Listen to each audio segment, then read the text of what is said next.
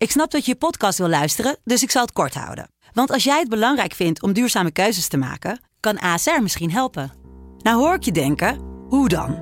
Nou, bijvoorbeeld bij het duurzaam herstellen van schade. Of de premies die we beleggen volgens ons duurzaam beleggingsbeleid. Dat bepaalt waar we wel en juist niet in investeren. Wil je meer weten over welke duurzame keuzes ASR maakt? Ga dan naar asr.nl slash duurzame keuzes. ASR doet het. Zo, dan kan je nu lekker naar je podcast luisteren.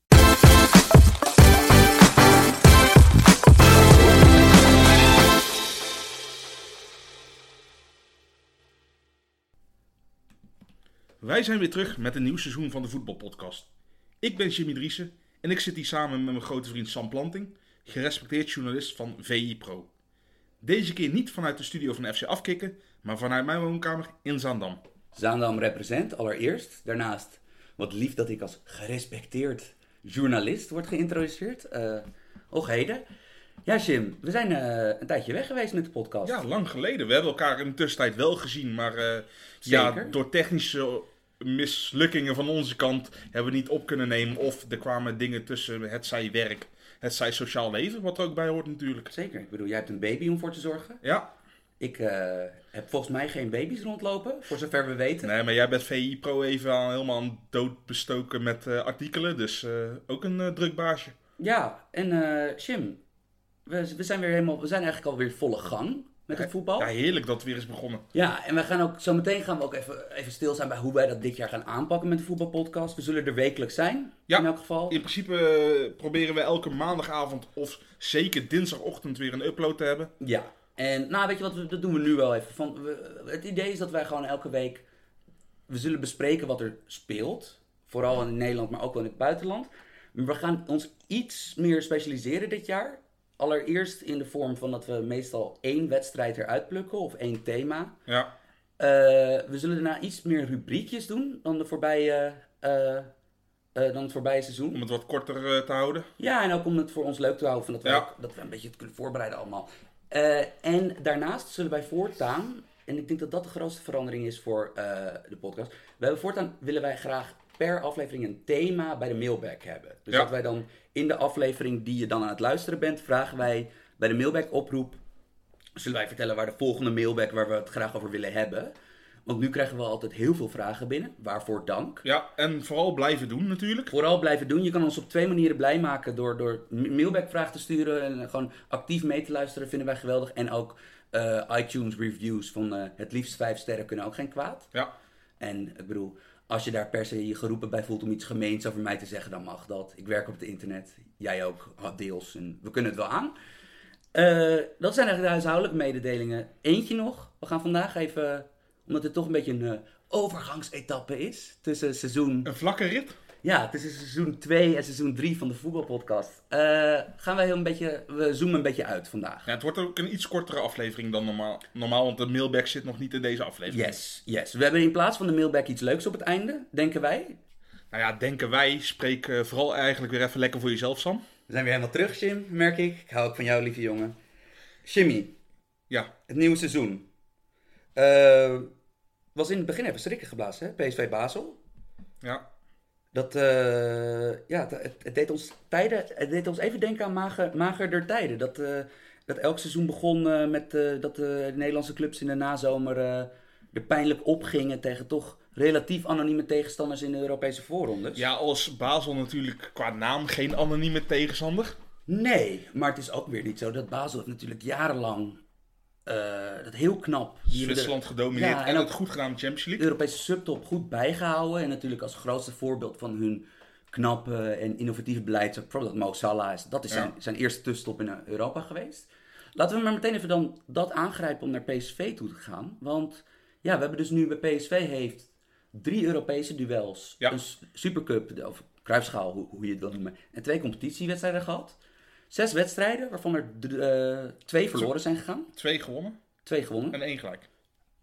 Eh, en nog een Haugesund ook nog. Eh, dan hebben ze drie gewonnen. Ja, en in elk geval, maar toch, het toch, er zit een klein gevoel van crisis om de club heen. Jim, wat, wat, wat, wat- hoe, zie, hoe kijk jij hier tegenaan? Van bijvoorbeeld, is dit, is dit echt, deze crisis? Of is dit meer gewoon van, ja, ik bedoel, ja, je, je raakt uitgeschakeld in een... Eh, het is deel, gedeeltelijk echt, omdat ik wel denk van eh, Van Bommel heeft nog niet zijn speelstijl optimaal om die voorste vier, eh, die ontzettend veel kwaliteit bezitten, optimaal te bereiken en dus te laten renderen. Af en toe vond ik ze zelfs helemaal op het begin nog te veel teruggrijpen naar een lange bal. En Luc de Jong is nou juist een van de pijlers die is verkocht, waar je die speelstijl op kon hangen. Dat kan nu niet meer. Dus dat zal tijd nodig hebben. Eh, voorin gaat het helemaal goed komen. Achterin geloof ik ook wel dat het goed gaat komen met, eh met Baumgartler erbij, met Bozakli erbij, die mij in de Johan Cruijffschaal goed is bevallen. ja, en, terwijl hij veroorzaakte de 1-0. Ja, dat kan. Persoonlijke fouten met slechte afstemming kan gebeuren. Die jongens nieuw in een nieuw land, nieuwe ploeg, automatisme ontbreken nog. is misschien niet gewend om op die manier te verdedigen. Maar Jimmy, het rare is dus dat normaal gesproken is heel vaak als een Nederlandse topclub het moeilijk heeft in het begin van een nieuw seizoen, is dat omdat we in Nederland natuurlijk een beetje op een fucked up plek staan in die ladder der, der, der internationale clubs op de transfermarkt. Ja. Want Het gebeurt vrij vaak dat een Ajax of PSV na een goed seizoen helemaal leeggekocht is. Dat is hier natuurlijk niet gebeurd, want bij PSV ben je kwijt. Luc de Jong. Luc de Jong en Angelino. En in principe was je in eerste instantie Schwab ook kwijt. Maar ja, goed, Ja, die is inmiddels weer teruggekeerd. Maar dat vind ik dus relatief meevallen. En het grappige is ook dat je hebt met Bruma heb je een heel goede speler ervoor terug. Daar gaan we heel veel plezier in beleven hier in Nederland. Snap je? Leuke, creatieve, vlotte buitenspeler. Ja. Donjo Malen lijkt, als, lijkt indiv- als individu echt een stap te hebben genomen. Want ik vind dat eigenlijk denk ik de indrukwekkendste speler bij PSV dit se- seizoen. En heeft dit seizoen in ieder geval voorlopig geen concurrentie meer van Sam Lammers. Ja, en het grappige is dus, is dat, en ook Gutierrez krijgt nu een kans op het middenveld. En ook, hij kan goed voetballen. Speelde goed, speelde goed tegen ADO. Ik vind alleen nog wel een kanttekening. Hij mist af en toe echt, als hij onder druk wordt gezet, de handelingssnelheid. Nou, en ook wel, ik bedoel, ook wel een beetje een oud wijf bij tijden. Van hij laat zich wel heel ja, makkelijk daar kwam het fysiek het- overweldigen. weer het tegendoelpunt ook tegen ADO. Ik bedoel, hij schiet hem geweldig in, eh, Thomas Neesiet. Maar hij laat zich wel weer het kaas van het brood eten. Ja, maar ik heb dus het idee dat bij PSV, en we zullen vast een keer wanneer we PSV een wedstrijd doen, dat, dat we er uitgebreider naar kijken, zullen we wat uitgebreider ook bij stilstaan. Maar ik heb het idee dat er bij PSV wel enigszins sprake is van een tactisch probleem. Want dit is nog steeds voor Nederlandse begrippen een ijzersterke ploeg. Ja, En het rare is ook dat we in, zowel in de Arena, in de Jan Cruijffschaal, als in die eerste wedstrijd tegen Basel en in die tweede wedstrijd tegen Basel, zaten er periodes van 20, 30 minuten bij dat het opeens wel klopte. En dat die vier voorin, die vier snelle jongens voorin, dat dat, dat ja, zoveel dynamiek kan opleveren. En ik weet dat Lozano nu op het punt staat alsnog naar Napoli te gaan. En ook niet echt de meest denderende laatste weken in Eindhoven heeft gehad. nee, dat is een understatement. Maar alsnog, dat er, er waren flitsen bij dat het klopte. Maar ja, het lijkt gewoon allemaal net niet te kloppen, de afstemming op het veld. En ik denk wel dat dat ook iets te maken heeft met Van Bommels keuze. Van dat hij in wezen zijn team opdeelt in een groep van zes, daarachterin. Hij, En die vier voorin. Ik bedoel, ik, ik maakte gekscherend al eh, dat er korfbaluitslagen zouden kunnen komen bij PSV vanwege de verdediging die niet optimaal is en de aanval die wel optimaal is. Maar daar zit natuurlijk wel een kern van waarheid in, want hij heeft ook een soort korfbalopstelling. Eén blok verdedigers, dus verdedigend vak met de middenvelders, en een blok aanvallers. Ja. En daar zit zoveel ruimte tussen. Wat het grappige is dus dat er dus ook van... Er zijn, ik weet dat er veel PSV-fans zijn die ook Gas- Gaston Pereiro nog steeds in het team willen hebben. Ja. Of, en ik zag ook al een paar journalisten roepen dat PSV gewoon eigenlijk in wezen nog één goede creatieveling nodig heeft, één goede middenvelder nodig heeft en dat het dan wel snor zit. En ik, ik ben geneigd ook wel mee te gaan daarin. Maar, dat werd ook al gezegd toen Gutierrez niet opgesteld stond. Precies. En daarnaast, ik bedoel, je kan nou moeilijk zeggen dat, stel nou dat Lozano weggaat. Ik zou, ik vind de voorhoede met Gakpo en Bruma op de flanken, Bergwijn op 10, Malo op, op, in, de, in de punt. Want dat is gewoon heel erg goed voor Nederlandse begrippen. En zeker als Lammers dan over een paar maanden er weer bijsluit. Van, ik denk dat daar het probleem niet ligt. Ik denk dat het meer ligt aan hoe de poppetjes nu staan en hoe ze elkaar bereiken. Voornamelijk hoe ze elkaar bereiken. Ja, want het is of wel niet zo bereiken. dat Rosario en Gutierrez, maar vooral Rosario, die natuurlijk zo belangrijk is om de balans te bewaken en goed in duels is en dat dan ook.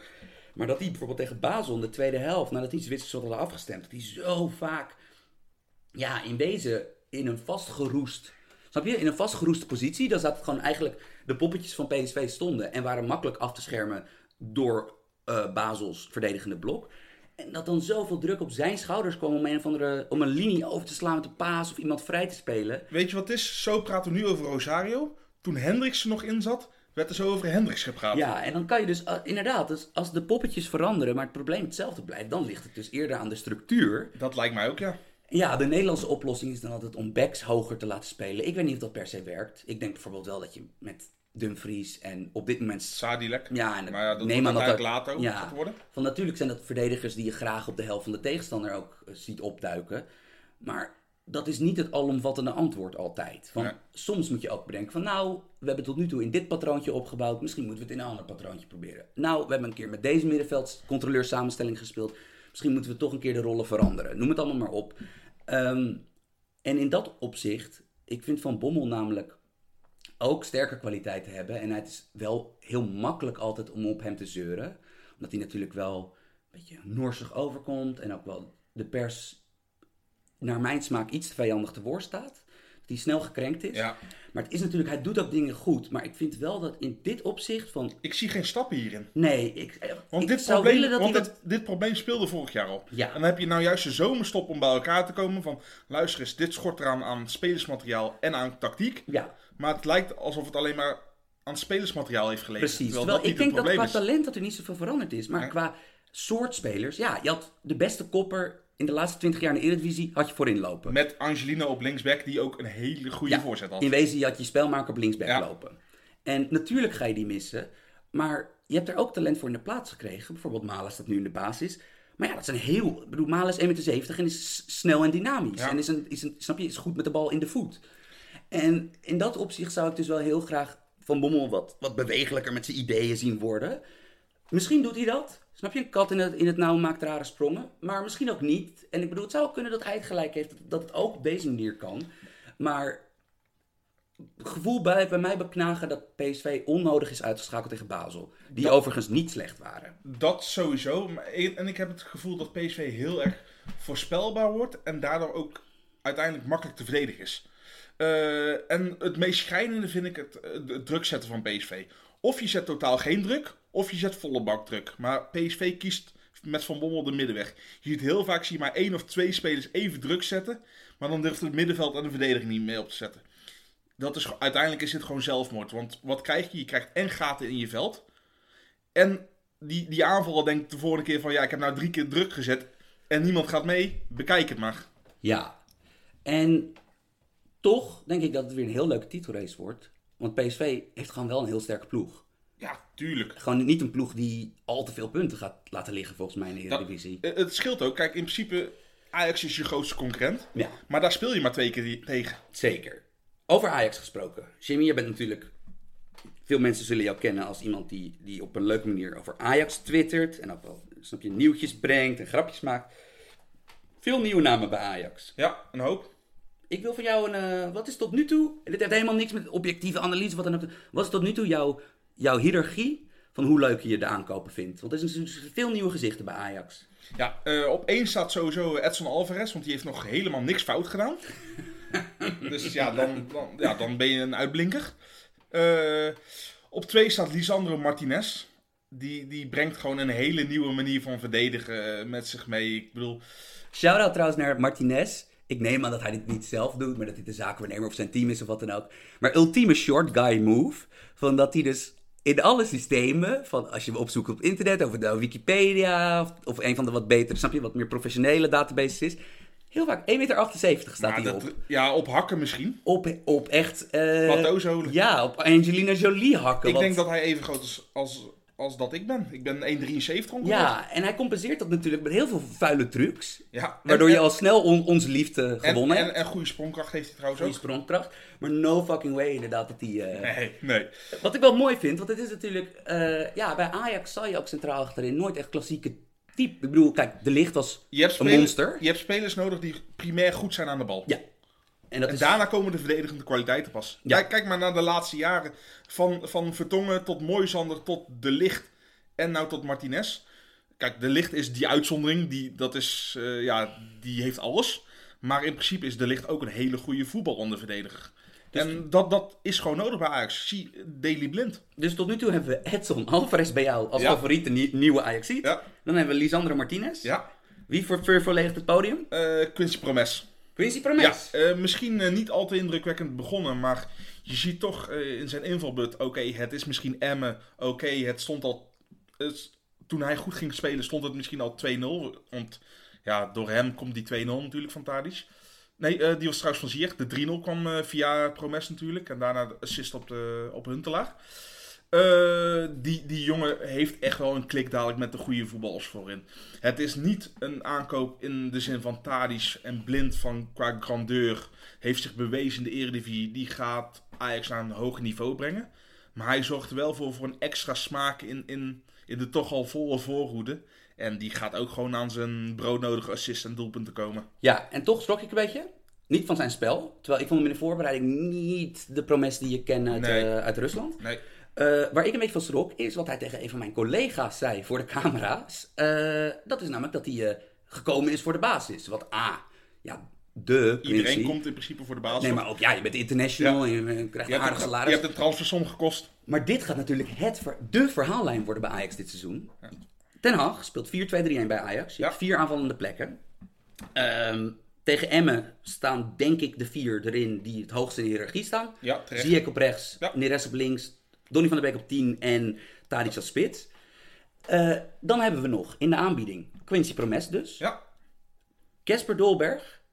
Ik, ben, ik weet dat ik misschien ondertussen Stockholm-syndroom heb ontwikkeld. Maar ja, ik ben nog niet bereid hem af te schrijven. Ik geloof nog altijd in dat dat een geweldige spits kan worden. daar is menig Ajax ziet het mee oneens. Daar gaan we het nog wel eens over hebben in de podcast, vast en zeker. En dan hebben we natuurlijk iemand waar je ook eigenlijk nooit omheen kan. Klaas-Jan Huntelaar, die moet natuurlijk ook gewoon zijn minuten maken. Want ja, als je ziet hoe Klaas-Jan, hoe, zoals Loïc zou zeggen, torgeil hij er Gel voor de goal. Jamie Nicky, man. Hij, hij was uit op headshots weer hè, Ja. tegen Emmen. Dat, eh, ik bedoel, alsof, alsof het zijn laatste wedstrijd is dat hij weer eh erachteraan. Dus dan hebben we er al... Vandaag 36 geworden, hè? We nemen het op op maandag 12 Ja, eh, ja shout-out Klaas-Jan Hunter. Ja. Echt waar. Maar dan hebben we dus al zeven serieuze kandidaten. Nou, dan hebben we nog jongens die ook op 10 uit de voet zouden kunnen uit de jeugd. Dat zijn Dani de Wit en Jurgen Ekkelenkamp. Noah Lang oogt goed in de voorbereiding. En als hij ooit bereid is meer te doen dan alleen fucking ham gaan op eh, feestjes en eh, kampioensfoto's, hebben we ook nog, eh, wanneer die ooit fit is, Hassan Bandé. En vergeten we even niet Siem de Jong en Zakaria Labiat. nou, die vergeten we wel. Nee, die zijn afgeschreven. Ehm, maar dat zijn heel erg veel spelers die het tevreden moeten houden met speelminuten. ja. Dus dat, gaan we, dat gaat zeker nog iets worden. Maar dat is ook de taak van een coach. Hoe goed is people's manager Erik ten Hag? Ik bedoel, dat is, ik heb liever een luxe probleem in deze vorm. Dan dat ik eh, de, de, de derde keuze op jong Ajax moet opstellen omdat de rest geblesseerd is. Ja. Toch? Mm, ja, maar ja. Ik bedoel, het is natuurlijk geweldig voor het Nederlands voetbal dat Ziyech en Neres blijven. En zeker in elk geval voor de kansen van Ajax in de, in, om de groepsfase te overleven in de Champions League is het handig als een paar van je sterspelers blijven. Ja.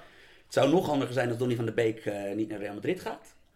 Ehm, ja, maar toch, dit, ja, ik, ik bedoel, het is, het is wel een beetje spelen met vuur. Want ik bedoel, het is natuurlijk wel zo dat dit zijn jongens die je niet vier, vier wedstrijden achtereen op de, baas, op de bank kan houden. Nee. Een Neres of een Promes of een...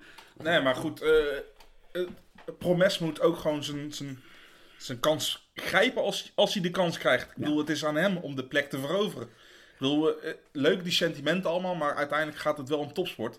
En de beste moet gewoon spelen. Want het grappige is dat wie ik niet hoorde in jouw top 3 van favoriete nieuwe Ajaxiden, is degene waar ik eigenlijk het meest gecharmeerd door ben. Vooral door de voorbereiding en door wat, hoe die in België was. Maar ik ben groot fan van van, Marien? Ja, Ja. Eh, stom debuut. Tegen PSV vond ik hem in, eh, in de kruisschaal vond ik hem wel goed. Maar ik vond tegen Vitesse, ja, twee ja, communicatiefouten in, eh, in, eh, met het centrale duo achterin. ja maar ik, ik vond het inderdaad fouten. Maar ik, ik vind wel dat Mar inderdaad te zwaar voor gestraft wordt. Want als je ziet, eh, het is ook communicatie met blind. Het is met je achterste twee. Ja, met Schuurs Martinez. Die vier plekken zijn ook gewoon helemaal vernieuwd. En je zag ook dat Masrowi en Blind ook Ja. door een communicatiefout de as Ja. van het veld weggaven in Griekenland, waardoor Pa ook de 1-1 kon maken. Waar ook dan weer, ook aan het einde van de avond, ik had een discussie met een collega erover, van ook daar zou je bijvoorbeeld kunnen zeggen van Per Schuurs, die let ook niet op de man Nee. toen die laag voorzet kwam. Maar oké, oké, oké, fair enough, Miereneuken dit, dat. Eh, ik, eh Rasval Marine, hij heeft alle basis in huis. En dan, dat, dat zijn het soort controlerende middenvelders waar ik van hou. Van, eh, die, ze, die ze allemaal kunnen geven. Maar hij heeft ook gewoon... Sam, laten we eerlijk zijn. Hij heeft wel de moeilijkste taak om iemand te vangen. Ja. Hij, hij wordt gezien als directe vervanger van Frenkie de Jong. Ja, Of, of misschien toch meer als Schöne. Ja kijk, Maar- de, de rolverdeling is iets anders. Ja, het, het is ook gewoon een heel ander... Andere spelers zijn het ook gewoon die nou op die poppetjes staan, toch? Maar wat heel erg kan bekoren doordat Martinez er nu is. En die eh dus toch eh, gek genoeg geen linksback was. Eh, opmerkelijk. Nee, Maar dat Blind nu op het middenveld speelt, dat vind ik heel fijn. En ook Ta- Tadic in zijn geweldige Tadic Nederlands. Ja. Wat, wa- waar ik echt oneindig naar kan luisteren. Die had echt nou, glunderende woorden voor hem over. Hè, van hoe belangrijk het is om een jongen te hebben die zo kalm is. En Daarom. dat die zo slim is. En zo rustig blijft in de passing. en we zijn vier wedstrijden onderweg. En we zijn vier wedstrijden onderweg. Ik denk dat Marine een, eh, een eh, want die heeft ook een iets makkelijker pad naar gewoon een vaste rol dan die eh, dan Promes. Ja, die heeft gewoon minder concurrentie dan Promes. En ik denk eerlijk gezegd dat het, dat het centraal duo is. Het, volgens mij is de bedoeling dat het Alvarez eh, Martinez is. Dat, daar ga ik wel vanuit. Eh al zag je volgens mij wel. Ik, ik heb eh AXM heb ik niet helemaal gezien, want ik eh, was op een verjaardag. Ging Martinez op een gegeven moment ook niet naar het middenveld? Ja, 20 minuten voor tijd, 25 Ja? minuten voor tijd. En kijk, aan, de wedstrijd was al zo ver gespeeld dat je er niet echt iets zinnigs over kon zeggen. En je kan natuurlijk ook niet Veldman afschrijven. Want Veldman is Nee. natuurlijk gewoon, was voordat hij rechtsback werd, een prima centrale verdediger. En Ten Hag wil niet voor niks nou zijn contract verlengen. Ik Precies. bedoel, Ten Hag is ervoor gaan liggen nou. Yes. En dan hebben we nog één topclub eigenlijk die we even de veranderingen moeten bespreken. En ja, als je erover nadenkt, veel kritiek op Feyenoord. Maar dat is natuurlijk wel de club waar het meest is veranderd. Van die zijn echt het Ja. een en ander kwijt. Ja. Van die, wie zijn we allemaal kwijt Eh, Rotterdam? van Persie is natuurlijk gestopt. Nou, dat scheelt. Dat, is, dat, dat, bedoel, het is toch wel re- redelijk vervelend om hem er niet bij te hebben. Ja, absoluut. Nou, Eh, wie nog meer? Klaasie is eh, in principe was hij weer teruggegaan naar Southampton. Is nou naar AZ gegaan. Ja, Vilena naar Krasnodar. Goede Russisch voetballende club. eigenlijk na Berghuis de beste speler bij Feyenoord de laatste seizoenen. Ja, En ja, ja, en- en van Persie ook een natuurlijk. hè. jongen waar wij nog wel eens, die wij nog wel eens verdedigen, maar die niet echt populair was in Nederland. Juste? St. Juste. Ja, is natuurlijk eh, voor 9 miljoen naar Mainz gegaan. Ja, ja, ik vond dat een goede verdediger. Ja. Ik- Eh, al kunnen ze dat in principe nou adequaat opvangen, korte termijn, met Rick Karsdorp natuurlijk. Mits hij fit blijft. Want de Karsdorp in het kampioensjaar was natuurlijk wel gigantisch goed. Alleen daarna heeft hij dat niveau nooit meer gehaald. Maar, Ja. maar, maar dat is echt gewoon een korte termijn oplossing. Ja. Ja, ik ben niet zo onder de indruk van wat Feyenoord doet met qua nieuwe jongens halen. Maar, Ja, maar ze, ze hebben ook natuurlijk weinig keuze, hè? Is dat zo? Ik bedoel, we, we, we onderschatten ook wel eens de begroting en de mogelijkheden bij Feyenoord, hoor. Van, bedoel, wat Ja, nu is... ik, mag, ik mag toch hopen, anders kom je toch niet bij alleen maar transfervrije spelers als Ver en Narsing uit. Nou, ja, nee, maar... Ja, Of is Jansen toch echt... eh, Ja, maar waarom zijn al die transfervrije spelers, waarom zijn die allemaal jongens die we kennen van Studio Sport? Van waarom? Van, en allemaal met een krasje natuurlijk, want anders zijn ze niet terug te halen voor een Nederlandse club. ja. Ik bedoel, ja, ik heb dan iets van. Ik bedoel, ze zullen, ze zullen niet voor een halve krentenbol spelen daar. Van, ik bedoel, wat dat is. Je haalt misschien transfervrij, maar dat is, die zullen echt niet voor een of ander deuksalaris daar, daar bij Feyenoord Nee. spelen. Ja, ik vind dat gewoon niet echt. Ja, ik vind dat niet echt getuige van dat je met de tijd meegaat. Van, en. Nee, maar dit kunnen, kennen we toch al meerdere jaren van Ja, Feyenoord. nee, tuurlijk, tuurlijk, tuurlijk. Maar ik bedoel, ja, je hebt nu een nieuwe trainer. Nieuwe technische directeur. Je hebt, wat, je hebt het met wat nieuwe jeugdspelers die eh, de kans krijgen, wat ik mooi vind. En Tapia die ineens weer... eh, Ja, en ik bedoel, dat Tapia. is ook een raar verhaal. Ja, maar dat, ja, ja, dat is een raar verhaal. Ja, dat is- En ook, ik, ik denk, ik, ik ben in elk geval blij voor Feyenoord dat hij blijft. Ik vind dat een nuttige speler. En Kutsu heb ik echt vertrouwen in. En Burger, Ja. Burger is een beetje ongelukkig begonnen tot nu toe. Maar ik heb zoiets van, nou, laat het maar zien. Geert Truida ben ik eigenlijk benieuwd naar. Maar ja, Karstorp is er nu bij, dus, dus dat... eh, maar En, ja, en, en als Haps fit blijft. ja, en dat, dat is wel allemaal positief. Eh, tegen Tbilisi vond ik eh, Berghuis als noodoplossing in de spits. Ja. Als valse negen. Wil ik wel gelijk de nuance aanbrengen. Tbilisi is, Ja, is echt een matige ploeg. ja, Ik bedoel, vroeger in de tijd van de Sovjet-Unie, heel, eind jaren 80, begin jaren 90, gewoon heel erg goed. Maar dat, daar is niks meer van over. Maar het lijkt me sowieso geen heel slecht idee om eh, eh, je speelstijl rondom Steven, Ber- Steven Berghuis te, te bouwen, toch? Want ik bedoel, de, de Hey. speelstijl afstemmen op je beste speler is volgens mij nooit een slecht idee. Je hebt zijn contract verlengd. Je hebt hem eh, waarschijnlijk de best betaalde kracht van Feyenoord ge- gemaakt. Nou, ik bedoel, daar Ja. zie ik alle redenen toe. Geloof jij in Sin- Sinistera? Ja, Oké, ja waarom niet? interessant. Ja. Oké, daar ga ik voor nee. Oké. Ik ben on the fence, zoals de Amerikanen dat zeggen, maar ik weet het, het zou kunnen, maar ik, ik, ik ik, Ja, zie het niet eh, helemaal. bij het jeugdtoernooi laatst eh, vond ik hem echt prima indruk maken. Komt als jonge jongen naar een, een, een Feyenoord wat totaal niet loopt. Ja, dan kan je toch inderdaad een slecht seizoen hebben. Ja. En toch, ja, Feyenoord, ja, het zou... Ik, ik, ik zie nog steeds een paar mogelijke paden waarop dit een positief seizoen voor ze kan worden. Ja, dan moet ze alleen wel eerst het centrale duo. eh Ja, ik weet niet dat nog gaat gebeuren. Maar toch? Ik bedoel, van de Heide en Bottegien kan niet meer. Nee, Van Beek is ook natuurlijk... De, die, dat is, Garantie voor doelpunten? ja, die heeft altijd een beetje een baard. Ja, Ik bedoel, is eh, flauw, flauw. Daar gooi je je eigen ruit een beetje mee in. Ja. eh, Van Beek was het. Eh, maar ja, bijvoorbeeld AZ, die hebben we dan nog over. Want is er, is er sprake van een top 4 in Nederland? Ik vind in elk geval, zeker gezien het feit dat, dat geeft Slot ook gewoon aan in interviews, AZ is nog niet klaar met de selectie vervolgd voor dit seizoen. Nee. Van er komt nog in elk geval een vervanger voor Til aan. We En hebben flink geboet voor Til, volgens mij 18 miljoen. goede deal. Ja. Goeie, goeie, goeie deal. Ja. Dat vind ik veel geld hoor, voor Guus Til. Ja, sterker nog, het is de recordaankoop voor Sparta Moskou. Ja, en ik vind dus nu, ze spelen momenteel met een middenveld met Koopmeiners op 6 en Mietje en, En voor. Ja. En ik neem aan dat Klaasie ook langzaam in de mix gebracht gaat worden. Maar ja, dit is dus nog helemaal niet zeg maar, een uitgebalanceerd elftal. En ik vind wel eh daar echt een idee achter zitten. Ik vind het gewoon een solide ploeg. En het is natuurlijk niet al te gewaagd om te zeggen dat het zou zomaar eens kunnen dat Boadu echt een superster wordt dit seizoen. En, en als we even kijken naar, naar de transfermarkt. Want je zegt ze gaan nog spelers halen. Maar ze zijn ook bijna niks kwi- kwijtgeraakt. Ja, Til is natuurlijk een belangrijke eh, kracht. Maar voor de rest zijn ze Seuntjes en Maher kwijtgeraakt. En Maher eh wilde ze inderdaad volgens mij wel een contract aanbieden. Die koos voor, eh, voor Utrecht. Maar daar hebben ze in principe Klaasie voor. Toch, die gaan een beetje op dezelfde positie spelen. Nou, ik weet niet eh, wie ik liever in mijn team heb. Ik neig toch meer naar Maher. Maar goed, Klaasie is voor AZ is een, is een redelijke versterking. Maar als ze Til nog goed weten te, te vervangen en nog een centrale speler en misschien een buitenspeler erbij kunnen doen. En wat ik dus grappig vind, al een hele periode, al ergens, het begon ergens vorig seizoen, zette dat in. Bij AZ is heel vaak zo van, ja, maar kijk wie ze centraal achterin hebben staan. Ja, maar ze houden de boel opvallend goed dicht. Ja, maar, maar, maar verdedigen gaat niet al alleen om de centrale verdedigers natuurlijk. Ja, en misschien zijn die ook wel niet, minder over de heel dan wij denken. Eh, dat, kan ook, hè? Ja, nee, zeker, zeker. Eh, ik ben in elk geval benieuwd naar wat er komt. Ik vind de keeper trouwens ook niet zo slecht. Bijzonder. Nee, en die voorhoede is natuurlijk gewoon echt lekker. Van, dat is gewoon, bedoel, Stenks, Boadu, Idrissi, is niet verkeerd. Wie gaat er eerder zijn debuut in Oranje maken? Stenks of Boadu? Het zijn natuurlijk allebei posities waar er minuten te, pakken Ja. zijn. Rechtsbuiten en sp- spits. Oeh, moeilijk. Het zou wel eens kunnen... Zal ik zeggen dat ze tegelijkertijd... dat ze ooit in een oefenduel tegelijkertijd een debuut maken? Oké. Wie dicht jij een grotere carrière toe in Oranje? Eh Boadu. Oké. Ik vind Stenks geweldig, maar Boadu... ehm, ik bedoel, ja, Boadu, ze hebben allebei een afschuwelijke blessure achter de rug. Maar eh, ik, ik- ik zie bij Boadu nog wel eens flitsen van iets anders. Van- wat er nog bij zou kunnen komen. En Ja. dat eh, vind ik heel interessant. Dat, eh, ja, goede spits. Slim spits. Shim, Sam, voordat wij... ehm, ja, we gaan het ook nog heel even een klein beetje over het buitenland hebben. Maar zullen wij eerst even een spelletje spelen? Even een kort. ik, dit neigt naar een nieuwe rubriekje, Sam. Ja, ik bedoel, het, bedoel, het is allemaal hetzelfde. Je plakt er gewoon een ander naampje op en, eh, en we kunnen weer. Is dat niet het leven? Ehm buy, sell. Zullen we dat gaan doen? Ja.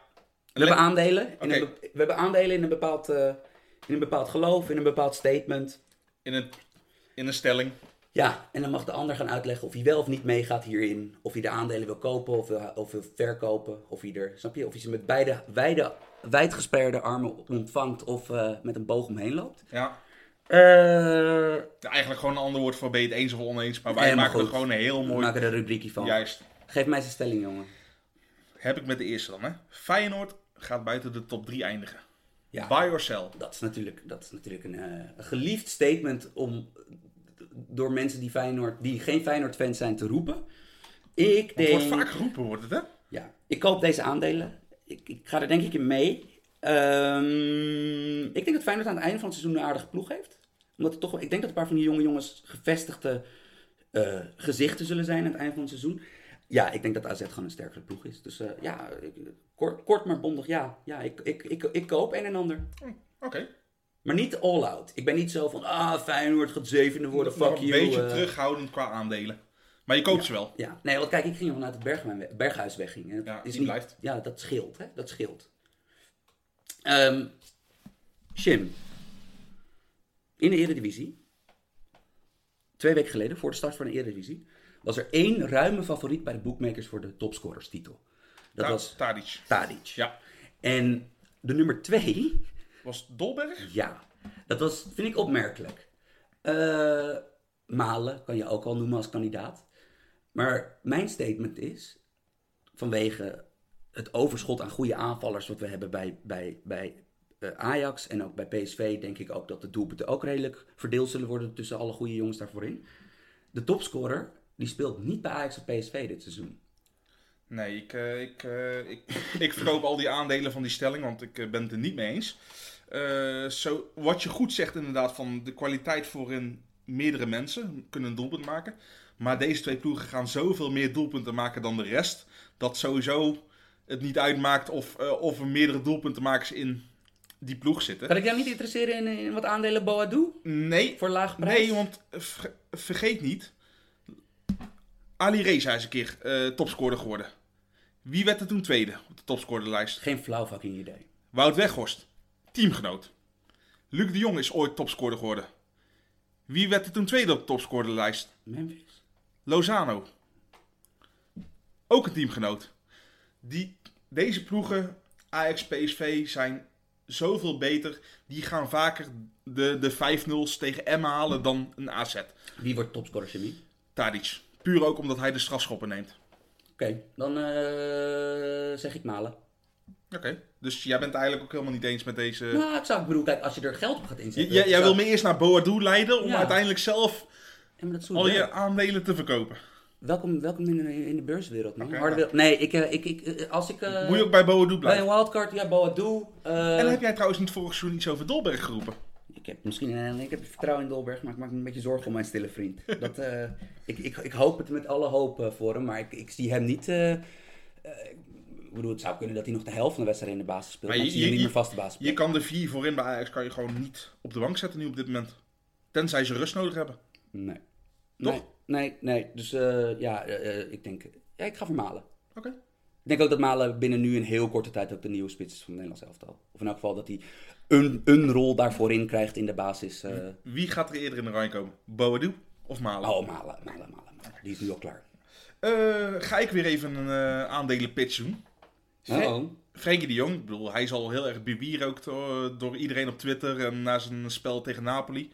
Eh, ook terecht natuurlijk, maar af en toe denk ik van, nou, hold your horses, rus- rustig aan. Eh Frenkie de Jong is aan het eind van dit seizoen de beste speler van Barça op Messi na. Holy shit. Eh, wie heeft in jouw ogen nu die titel? Er zijn er wel een paar kandidaten. Hmm. Suarez, Busquets, Ja, Busquets, Piqué. Zeg het maar. Dat, eh, Neto. Ja, je hebt Gries... ja. Maar je hebt Griezmann nu ook. Ja, ja. Eh, het zou zomaar eens kunnen dat Oes-. Ousmane Dembele eh, gewoon weer de oude is Ja. en, en verschrikkelijk goed gaat voetballen. Er is een zekere aanstellerige Braziliaan waar Barça nog steeds oren naar schijnt te hebben. Ja, want de laatste geruchten zijn een beetje dat Neymar Junior weer oog heeft naar een, eh, oren heeft naar een terugkeer in Barcelona. En dat een van zijn advocaten al gespot zou zijn. In, in, in Parijs, eh, gisteren bij de openingswedstrijd van Paris Saint-Germain, waren er enorme spreekkoren in het stadion eh, met niet al te vriendelijke Nee. mededelingen aan het adres van eh, Ju- meneer Junior. En het zou dan moeten gaan onder andere om een ruil met de andere Braziliaan die eh, bij Barcelona nou mislukt is eigenlijk. Ja, ik, kijk, als, ik, als ik bij PSV, PSG zou zitten, zou ik gewoon meteen mijn pik op tafel leggen en zeggen: Ik wil Coutinho en Dembele. Ja. Dat geld kan ons niet zo interesseren, snap je? Wij, Nee. wij, hebben, wij, wij hebben schimmige, schimmige, oneindig diepe wel, wel, wel weer even een eh, sponsordeal met een eh stadionsponsor en zo. Dus ja, Jongen, jongen, jongen. Maar eh, ik ben benieuwd hoe, hoe dit eindigt. Eh, dat zou ik wel vreemd vinden, maar weet je wat? Ik koop niet alle aandelen, maar wel een heel klein beetje. Want bijvoorbeeld Sergio Busquets is een van mijn favoriete spelers in mijn leven. Maar Frenkie de Jong heeft een bepaald soort X-factor talent wat ik heel zeldzaam vind. En ook, ik zag nu, ik heb ook een verhaal over hem geschreven in de voorbereiding, dus ik heb alles minutieus bekeken. En ik zie soms dingen bij hem dat ik denk van, Jesus Christ, je bent nog steeds echt beter aan het worden. En je Ja. bent al zo uniek. En ja, de zelfvertrouwen in bepaalde acties en de rust en het ogenschijnlijke gemak. Dat het ook, het, hij doet dingen waar, waar, die ook compleet logisch lijken. Van, oh ja, natuurlijk kan je daar een overstapje doen. Ja, maar heeft Cruijff niet ooit gezegd... Het... Moeilijkste wat er is, is makkelijk. Juist. En eh, ik koop er wel nu alvast een paar. Ook al weet ik dat de prijs hoog is door alle hype. Ik, ik, ik ga gigantisch met je mee. Ik, ga all in op Frankie X. Ik verkoop alle andere aandelen die ik heb. Ik ga helemaal all in deze Maar je hebt een stelling. kind, jij moet voorzichtiger zijn dan ik. Kijk, ik ben weird. Nee, ik ga gewoon deze of... eh, Dus jij bent binnenkort... eh, zit Of- jij of miljonair. In de Donald Duck met bretels en zo'n lege ton om je... Hey, Ja. podcastje opnemen. Misschien kan je hem inderdaad als straatverkoper zien eh, binnen nu en twee jaar als het helemaal misgaat. Maar nee, ik, ik heb vertrouwen in Frenkie de Jong. En eh, ja, zelfs als hij een fout maakt, gaat hij gewoon weer verder met waar hij goed in is. In ons eigen, in ons eigen, in onze eigen nietige eredivisie hebben we ook een speler die we kunnen gaan hypen. Ik heb eh, twee weken geleden had ik nog op internet, eh, had ik op Twitter had ik, eh, berichten gegooid van, nou weet je, die kerk, zie ik, die zou wel eens in oranje kunnen spelen dit jaar. En het was eigenlijk een beetje genuanceerd, snap je? Een genuanceerde hot take. Want het, bedoel, zo goed zijn de buitenspelers die, de vier buitenspelers die Koeman doorgaans oproept voor Oranje nou ook weer niet. Ik bedoel, zijn prima spelers, maar bedoel, dat zijn wel de meest inwisselbare spelers van het huidige basisteam van het Nederlandse elftal. Ja. Tenzij, Kerk. tenzij Memphis weer op de flank komt. natuurlijk, natuurlijk. Die staat wel een klasse erboven. Maar Girano Kerk, van eh, de rechtsbuiten van FC Utrecht, die natuurlijk al een tijdje daar goed is en heel klassiek als een buitenspeler wisselvallig is de afgelopen seizoenen. Maar die is toch wel een partijtje begonnen aan het seizoen, joh. Ja. Van holy shit, van ik weet niet wat, hij precies, wat er precies is gebeurd in zijn hoofd of in zijn, met zijn zelfvertrouwen of met bepaalde eh, timing, tactiek, techniek, noem het allemaal maar op. Maar eh, ik vind hem heel sterk ogen bij Utrecht. En ook tot op het punt dat men in de Domstad en omstreken een beetje vreest. Dat hij toch nog verkocht gaat Ja, worden. dat hij nu, in, nu, in, in- nu in de komende 18 dagen dat hij misschien niet meer houdbaar is. Ja. Zou ik wel heel jammer vinden. Want ik bedoel, Utrecht heeft Kerk wel nodig. Wil Utrecht een tijd lang meedoen naar bovenin? En misschien zelfs, snap je, een keer, eh, echt een keer gooi doen naar een derde of een vierde plaats. Snap je, naar een echt Tu- stuntseizoen? Tuurlijk heeft Utrecht hem nodig. Het is op dit moment je beste speler. Ja. Eh, mijn statement voor jou is: wij zien dit seizoen, dus dan hebben we nog, dat window is tot, laten we zeggen, juni 2020. Wij zien Kerk in oranje. Ja, deze, deze, deze aandelen koop ik. Zeker wel. Oké, Ja. big spender hier. Ja, weet je wat het is? Oh. Ik heb Dave van den Berg heb ik in oranje gezien. Ik heb Jeffrey Talan in oranje gezien. Ik heb Dries Boussata in oranje gezien. Maar shout-out Martijn Meerding. Ook die heb ik in oranje gezien. Als Kerk het gewoon echt Utrecht bij de hand blijft nemen zoals hij nu doet... dan kan er vast wel een oefenwedstrijd komen... dat hij in ieder geval uitgeprobeerd gaat worden. En ik zou het wel echt super leuk vinden... mocht het ook gewoon gaan gebeuren. Ja, Ja, nee, ja, waarom niet? Want je zegt het al, de concurrentie is niet gruwelijk groot. Je, je, je hebt Babel. Je hebt Promes. Ja, El Ghazi misschien als hij bij Aston Villa het goed gaat doen. ja. Waar, waar- wie, wie zie ik over het hoofd? Malen, Ja, Bergwijn natuurlijk. Berghuis. Ja, Berghuis en Koeman is toch... Ja, Koeman vindt Berghuis niet in het systeem passen. Ja, Dilrosun zou natuurlijk kunnen, echt kunnen doorbreken bij Ja. Hertha. Ja, als die, eh, bij, bij, bij, bij Bournemouth. ja, maar die komen inderdaad beide terug van blessures natuurlijk. zijn verslaanbare. Ik bedoel, kijk, wat, wat, wat ik al zei, dus zo, zo, de spoeling is redelijk dun. Ja. Nee, ik eh, kerk in oranje. Van de ene omschakelingsvoetballer naar de andere, wel een andere, ander niveau. En eh, Rashford en Martial bij eh, Manchester United op eh, de late zondagmiddag, die lieten even zien in een topdu in een, nou laten we zeggen, subtopduel. Wel Ja, geweldig leuk om naar te kijken. Dit is gewoon de, de, de strijd om plek 4. Manchester United-Chelsea. Foute Vestijn was Ja. het. Wat Ja. het een heel leuke Dat wedstrijd maakt het maakte. leuk, toch? Met een bizarre uitslag. Want 4-0 is natuurlijk... Voornamelijk geflatteerd. Ja. Want dit was, ging op en neer. Dit had ook 2-3 kunnen zijn.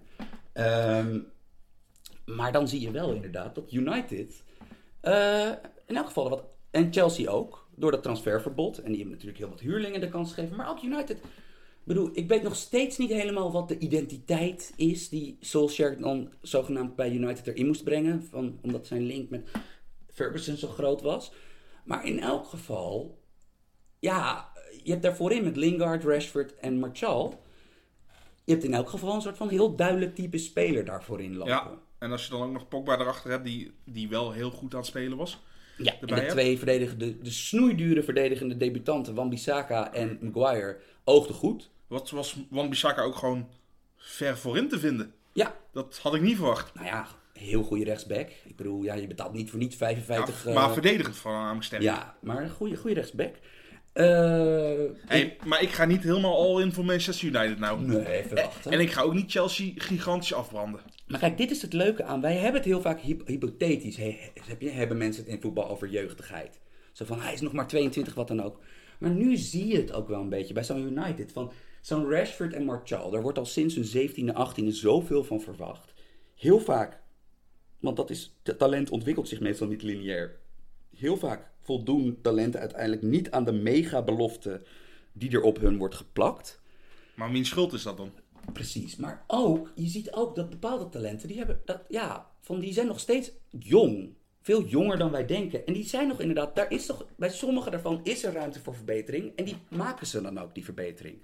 En ja, het zou mij niks verbazen als Martial en Rashford dit seizoen echte sterren zullen zijn bij United. En dat scheelt al heel Kijk. erg met die ploegen van de afgelopen jaren. Wat vooral scheelt, de concurrentie is totaal weggevallen voor ze natuurlijk. Want Lukaku is, is, is, is weg naar Inter. En Sanchez, daar gaat gewoon, ja... Hoe duidelijk wil Manchester United van hem af nog? Ja. Als er nou nog een Chinees bot komt, ook al kan United niks nieuws halen, is, is, hij, met, eh, is, is hij weg toch? Ja, en ook met Chelsea wil ik ook, net zoals dat wij United nog niet als topteam willen promoveren, ik wil het even zien met Chelsea. Want Ja, natuurlijk ga ik Lampert langer de kans geven. Eh, het is voor hem ook een heel moeilijk instapmoment, want de top 3 is zoveel beter. En je mag jezelf niet versterken. En je mist die twee beste spelers. eh Rudiger centraal achterin en, En Kanté. Kanté middenveld. kwam er later nog wel in natuurlijk. En, en Willian mist ook nog steeds. Heeft Ja.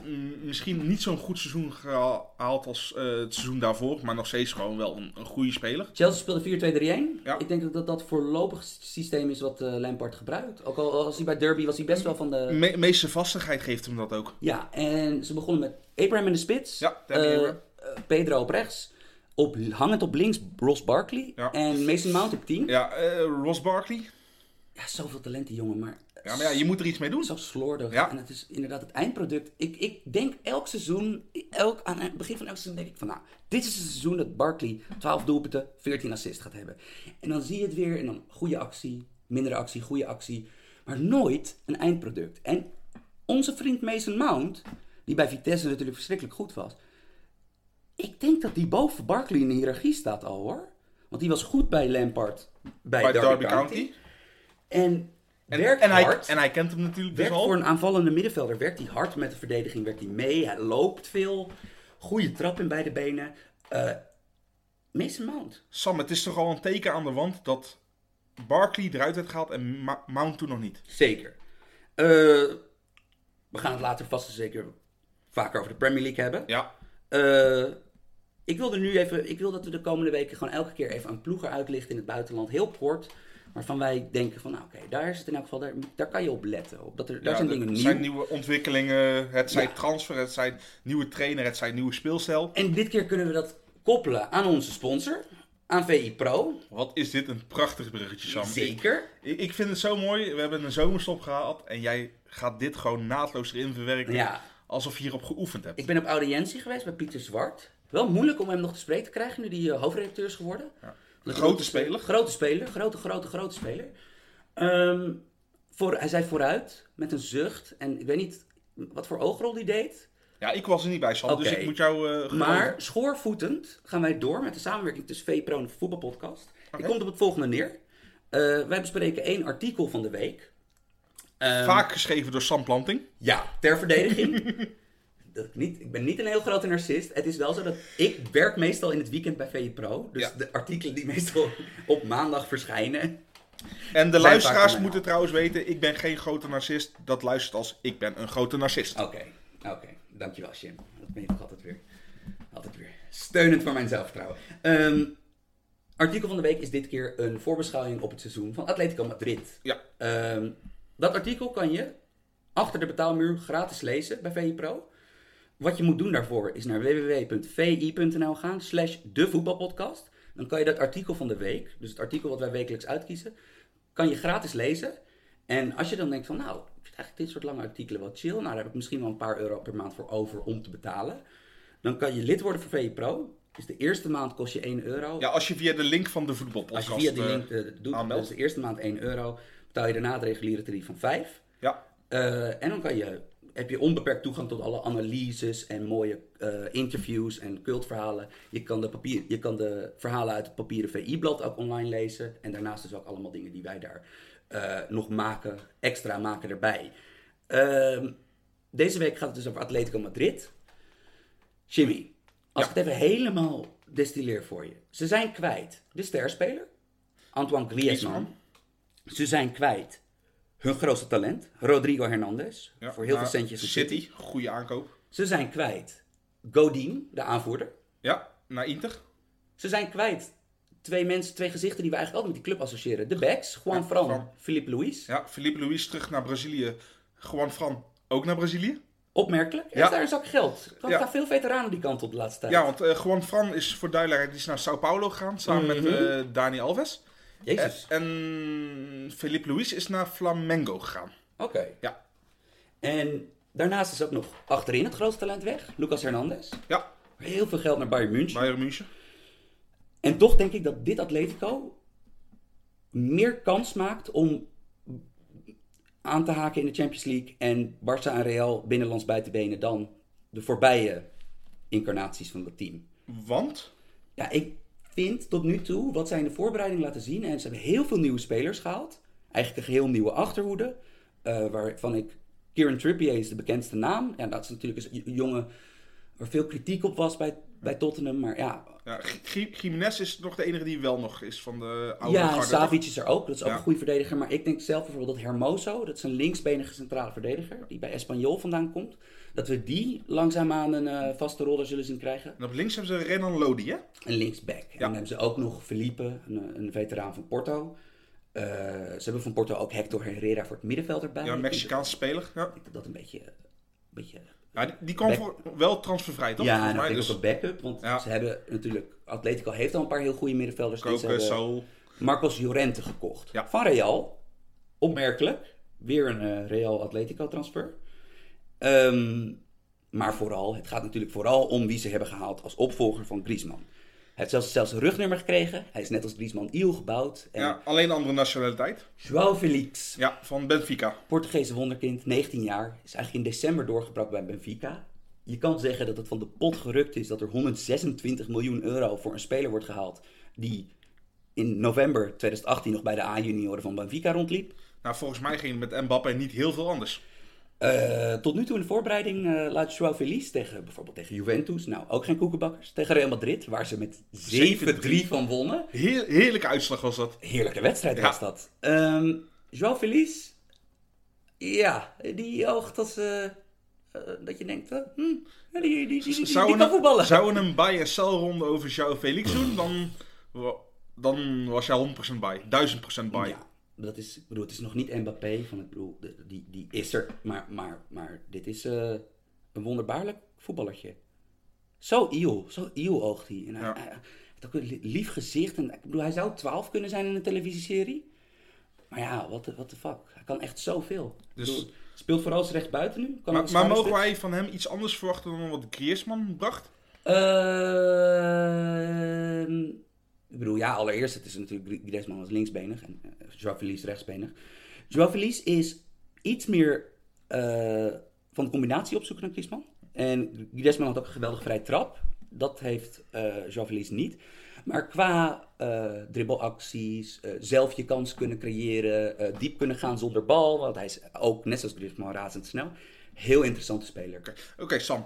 Voor de mensen die João Felix niet kennen en er geen beeld bij hebben. Als je hem mag vergelijken met een voetballer qua type, dus niet qua kwaliteit, maar qua type, met wie zou je hem dan vergelijken? Zodat de mensen een beetje een beeld hebben van wie is João Felix eigenlijk? Ja, het is dus echt een klassieke 9,5. Dus een soort van, zeker in de tijd van 4-4-2 had je altijd een echte spits en een beetje een creatieve spits. Nou, nou ja, dan moet je even denken van, eh, dan, bijvoorbeeld Gri- Griezmann zou je daar ook eh, onder kunnen scharen. In begintijd Del Piero? Ja, maar ik denk dat Joao nog beter wordt. Want dat, dat die dynamisch... Maar Ja, die, heeft de snelheid, die heeft de soort snelheid eh, nog extra natuurlijk. Ja, dus ja, dat, dat vind ik wel een leuke. Dat soort van, eh, soort van licht... Wat, Del Piero was fysiek sterker. Ja. En, eh, maar een beetje ja, in die buurt. Dat, Nou, maar João Felix is een, eh, die waait weg met de wind nog, of niet? Ja, Ja. ja, ja, ja, ja. zeker. En eh, als je nog één klein tipje van de sluier mag oplichten over het artikel, maar niet te veel, zodat mensen het nog wel gaan lezen. Ja. Wat kunnen we nog meer dan erover zeggen? Nou ja, zeg Atletico en dan zie je al snel, snap je? Simeone aan de zijkant brullen, de gigantische Mono Burgos, de assistent Ja. er- erachter. Eh, Google alsjeblieft German Burgos, keeper, Argentinië jaren 90, was international, is de grootste cultheld in de inter- in- internationale topvoetbal. Dat denk ik wel, ja. Wat een geweldige man lijkt me dat. Ehm, maar je denkt al heel snel, Atletico is verdediger, verdediger, verdediger, onpasseerbaar. Dat team is zeg maar één ademend organisme. Ga jij nou beweren dat dit Atletico niet meer het Atletico van voorgaande jaar is? Niet meer de, de vechtmachine? Ik denk nog steeds dat het een verdedigende vechtmachine is, maar ik denk wel dat er meer voetbal in komt. Gewoon meer andere accenten. Andere accenten, iets meer aanvallende spelers op het veld. Dus een kans voor Thomas Lemar. Dat moet je lezen in het artikel, wat ik, eh, wat ik, wat ik van zijn toekomst eh, verwacht. Oké, nou, je hebt er genoeg over verteld. Eh, luisteraars, ga het lezen via www.vi.nl slash de voetbalpodcast. En mocht het je leuk lijken, word er lid voor. Eerste maand 1 euro en daarna 5 euro's. Zijn we eigenlijk waar normaal de mailback zou eh, gebeuren. We hebben natuurlijk nou nog geen mailback oproep gedaan. Want we willen nog even nieuw in het seizoen inkomen. Dit is weer een eerste aflevering. Maar we hebben jullie wel gevraagd om de heetste takes al te geven via WhatsApp, eh, die eh, het nummer van Sam en mij hebben, of via Twitter, via DM, via mentions, wat dan ook. Die zijn er dus ook heel erg veel geweest. We vonden het zelfs zo leuk dat wij daardoor de winnaar van de heetste take een hard gras hebben be- eh, Wat is een take, aangeboden. Jimmy? Wat is een take? Allereerst, hoe spel je het? Oh, voor, voor, voor wie wordt dit bedoeld? Deze Voor de, voor de luisteraars die misschien minder online zijn dan wij. de take, dus de T-A-K-E. En dat is niet voor. voor, eh, veel mensen denken dan gelijk dat het om een voorspelling gaat. Maar, of het, maar eigenlijk is het meer gewoon een ongefundeerd statement maken van iets. Zonder dat het een, een werkelijke basis heeft. Ja, het, heeft- het is geboren in Amerika. Het is, een beetje, het is een beetje wat er is gebeurd in Amerika door de, de, de invloed van social media en het internet op de journalistiek. Iedereen spuwt er maar op los. Iedereen heeft opeens probeert zeg maar over te toepen bij elkaar met sterke meningen. En Dat- het, liefst, het liefst die heel erg afwijken van wat een nor- normale mening Dat is. heb je nou voornamelijk bijvoorbeeld met de VAR-discussie. En daar gaan wij lekker als voetbalpodcast helemaal niks mee doen. Wij gaan het lekker niet over de VAR hebben, maar daar komen ook heel veel gigantische takes voorbij, toch? Ja, maar het kan dus ook moedwillig anders zijn. Ja, Eh, moet, moedwillig over, overmoedig zijn. de kont in de krip zetten, gewoon expres een andere mening willen hebben. Ja, bijvoorbeeld Nederlandse voetballers zijn geen winnaars. Dat is een take. Gewoon een, een statement. Nou ja, wat eh, hebben ze gewonnen dan? Nou, kijk, daar gaan we al. En dan, dan zitten we in een, in een real-life internetdiscussie die ik absoluut niet wil aangaan. Eh, en we hadden dus onze luisteraars gevraagd. We hadden uiteindelijk eh, 150 inzendingen. Ehm, Kunnen er ook minder geweest zijn of meer? Heb je ze geteld? 150? we hadden in elk geval bij die oorspronkelijke oproeper 100. En we, we hadden nog een paar andere oproepen Ja. gedaan. Eh, veel kandidaten. Ook veel voorspellingen. Jongens, doe even lief tegen Feyenoord. En... eh, Jezus, wat willen mensen graag altijd... Gewoon over trainer X of trainer Y... Die haalt de kerst niet zeggen. Heerlijk.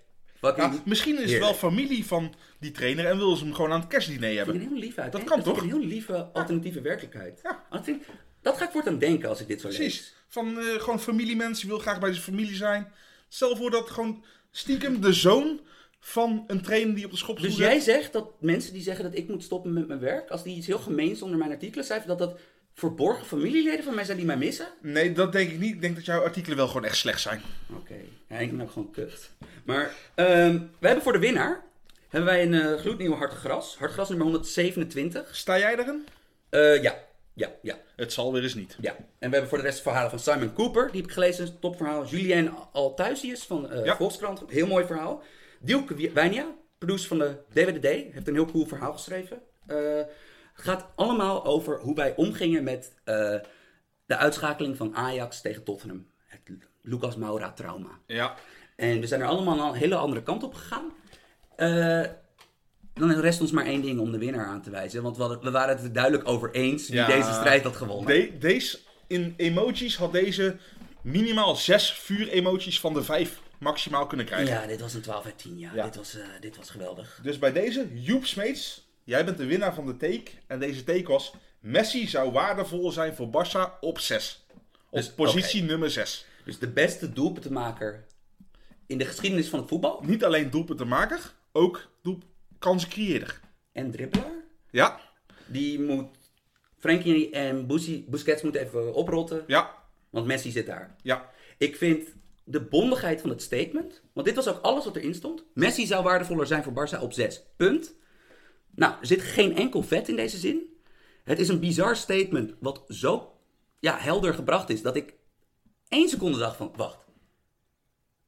Wat nou, wat nou als dit waar is? Voordat ik weer gewoon... eh, ik vind dit, dit is een perfecte hot take. En hij, je hoeft hem nog niet eens zelf te geloven, maar ik vind de manier hoe hij hem presenteert. Ja, dit is iemand die heel Er zit een goed- stelligheid in. ja, ik bedoel, dit is iemand die heel goed. Ik denk dat dit iemand is die internetdiscussies wint. Dit, dit is een gigantische goede take. Toch? Ja. Dus nou ja, die krijgt een hard gras. Met een, met een lief voorwoord van ons eh, schrijven wij er nu nog even in. Eh, Dan wordt het een soort collectors item. eh. Ja, we nemen, even, we nemen hem via online. We weten hem denk ik wel te vinden. We nemen contact met je op, Joep Smeets. En anders meld, meld je even bij ons anders. Ja, via DM op eh, de voetbalpodcast op Twitter of Sam underscore planting op Twitter. Nou, nee. Oh, oh, oh, oh, ja. Ook bij jou wordt er altijd in jouw DM geslide, dus wat dat betreft.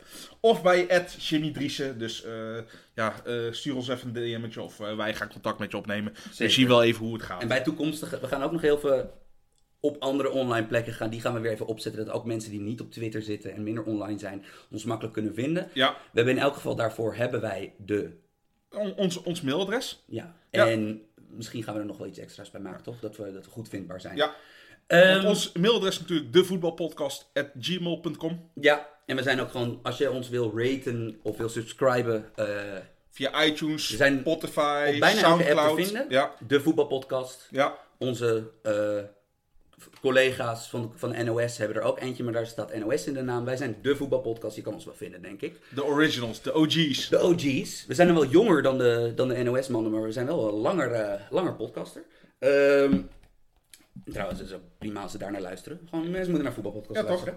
Eh, dan rest ons alleen nog maar eh, een kleine shout-out te doen, hè? Nee, jongen, je vergeet ook nog, we hebben een belangrijke Europese week voor de boeg. Oh, dat is waar. Dat is waar. Dus wij kunnen als voetballiefhebbers niet zonder voorspellingen. Sam, Ajax PAOK, wat gaat worden? Ehm, interessante zege voor Ajax. Dus ik denk dat het nog een half, ha- helft spannend is, 60 minuten spannend is. En dat ze dan uiteindelijk wel de oplossing vinden. Pauk, vervelende tegenstander. Goed georganiseerde ploeg. Eh, laten we zeggen 3-1 of zo. 3-1. 2-0 Ajax. Oké. AZ, Mariupol. Mm, 3-1. Ja, uit werd het eh, 0-0 inderdaad in Oekraïne.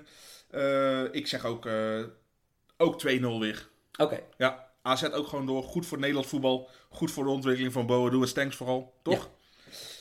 PSV Haugesund. Uit werd het 1-0 door een penalty van eh, Steven Bergwijn. Voor de rest eh povertjes. Maar ja, nummer 8 van Noorwegen. Toen de tijd. Ehm, PSV thuis. ik, denk dat dit, ik denk dat PSV nog een beetje dat gifbeker een beetje leeg moet. Ik denk 1-0 voor PSV. 4-0 PSV. Helemaal goed. Ja. En dan hebben we nog eentje die helemaal gespeeld is. Want Feyenoord had geen enkele moeite met Tbilisi in de eerste wedstrijd. Wonnen met 4-0. Eh, ik denk dat ze in Tbilisi niet winnen. Want ik hoop dat Stam een paar spelers eh, even spaart. Want eh, Feyenoord heeft een redelijk pittig programma in de Eredivisie. En ja, als je een beetje om een goede positie... Niet al te veel punten hopelijk verliezen. Dus het zou mij niks verbazen als er daar een paar andere gezichten te zien zijn. En dat dit... eh 1-1 zeg ik, 1-1. Eh, ik ga met je mee dat ja, Feyenoord niet met een sterkste opstelling gaat spelen. Maar zelfs dat is nog te goed voor Tbilisi. Het wordt eh 0-2 voor Feyenoord. Oké. Eh, thema voor de volgende. Wa- Waar kunnen mensen, over welk onderwerp kunnen mensen vragen naar ons opsturen voor de mailbag? Voor volgende week eh, gaan we, omdat het natuurlijk inderdaad de Europese week aanstaande is, gaan we het in de mailback hebben over de prestaties van het Nederlandse clubvoetbal in Europa. Het zij de huidige prestaties, het zij het verleden. Dus al jouw vragen die betrekking hebben tot Nederlandse clubs in Europa, stuur ze naar de mailback. eh, een mail naar devoetbalpodcast.gmail.com. Eh DM ons op Twitter, at at sam underscore planting, at voetbalpodcast. Of eh, ja, stuur een DM. Men- Mention ons, ja, gewoon stuur ze in allemaal weer. Yes, Post, Helemaal goed. morsecode, alles mag. iTunes. Ja, toch? Jazeker. Ik wil graag een eh, shout-out doen naar het zelfvertrouwen van Dennis Johnson. Dan eh, doe ik een eh shout-out naar eh, zijn trainer Stegeman.